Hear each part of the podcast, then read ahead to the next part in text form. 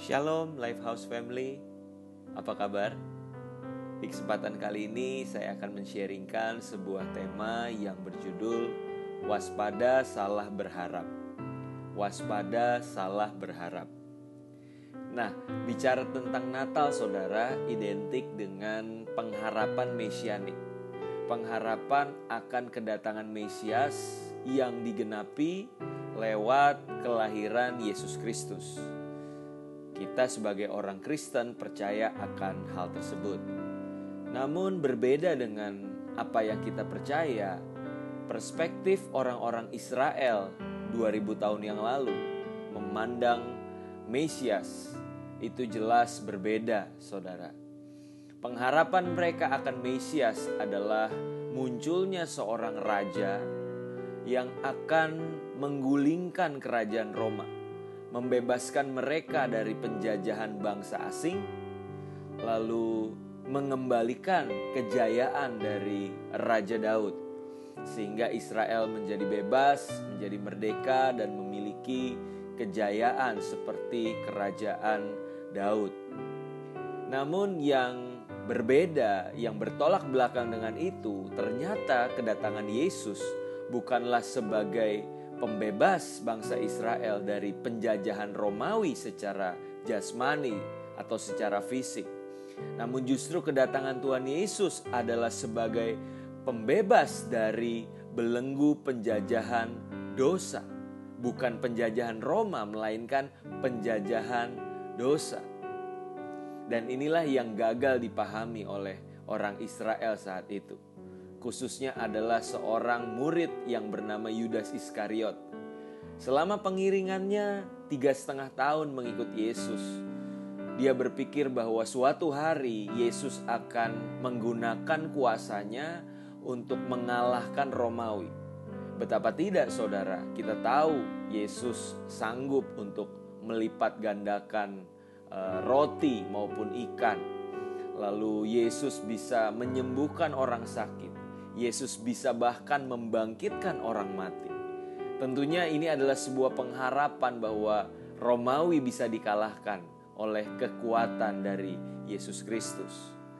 Namun yang terjadi justru sebaliknya. Yudas menemukan Yesus adalah pribadi yang berbeda dari apa yang dia harapkan. Yesus berkata, "Berikan kepada kaisar apa yang menjadi hak kaisar, berikan kepada Tuhan apa yang menjadi hak Tuhan. Bagaimana mungkin mau menggulingkan Roma kalau ternyata kaisar pun dihormati oleh Yesus?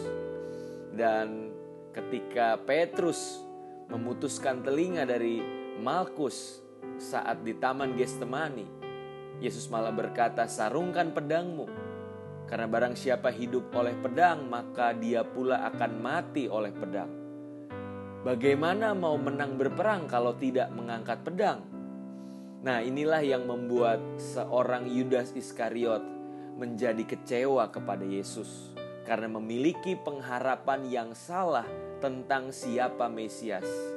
Sehingga harga 30 keping perak yang e, didapat untuk menjual Yesus adalah harga yang sangat tidak menguntungkan jika bicara soal untung rugi. 30 keping perak itu seharga kompensasi bagi seorang hamba yang mati secara tidak sengaja.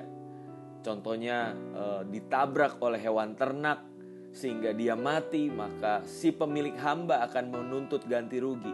Dan orang yang memiliki ternak tersebut akan membayar kompensasi sebesar 30 keping perak. Dan itu jelas It's not a good deal bagi seorang Yesus yang sangat itu, saat itu uh, orang yang most wanted, seorang tokoh yang uh, me, menimbulkan pergunjingan yang besar saat itu. Sehingga kita bisa simpulkan bahwa Yudas menjual Yesus bukan sekedar faktor uh, kecintaannya akan uang, walaupun memang ya Yudas seorang pencuri kas dari pelayanan Yesus tapi untuk harga 30 keping perak itu bukan uh, harga yang tepat untuk menjual Yesus tapi itulah harga kecewanya Yudas karena Yesus tidak sesuai dengan harapannya. Nah, yang menjadi pertanyaan buat setiap kita, saudara, siapakah Mesias yang kita kenal? Apakah sesuai dengan versinya Tuhan, atau ternyata kita punya versi tersendiri mengenai siapa Mesias? Apakah Mesias ada untuk menjadi alat penggenap rencana maupun ambisi pribadi kita? Atau justru sebaliknya, Mesias ada dan kita menyadari keberadaannya adalah untuk kita layani. Kita ada sebagai alat untuk menggenapi rencana Sang Mesias.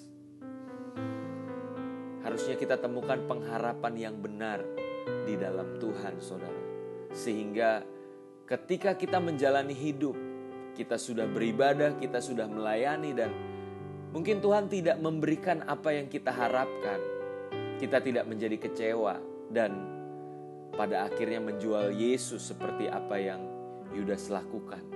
Tapi kita akan tetap setia mengiring dia karena kita punya pengharapan yang berbeda.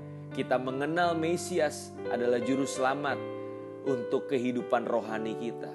Dan kita telah diselamatkan, kita telah dipulihkan, dan kita akan dipermuliakan bersama-sama dengan dia pada saat kedatangannya yang kedua kali. Yesus bukan memberikan pengharapan palsu, saudara, tapi sering kali pengharapan kitalah yang salah. So, biarlah di Natal kali ini kita memiliki pengharapan yang benar tentang siapa Mesias. Amin. Tuhan Yesus memberkati.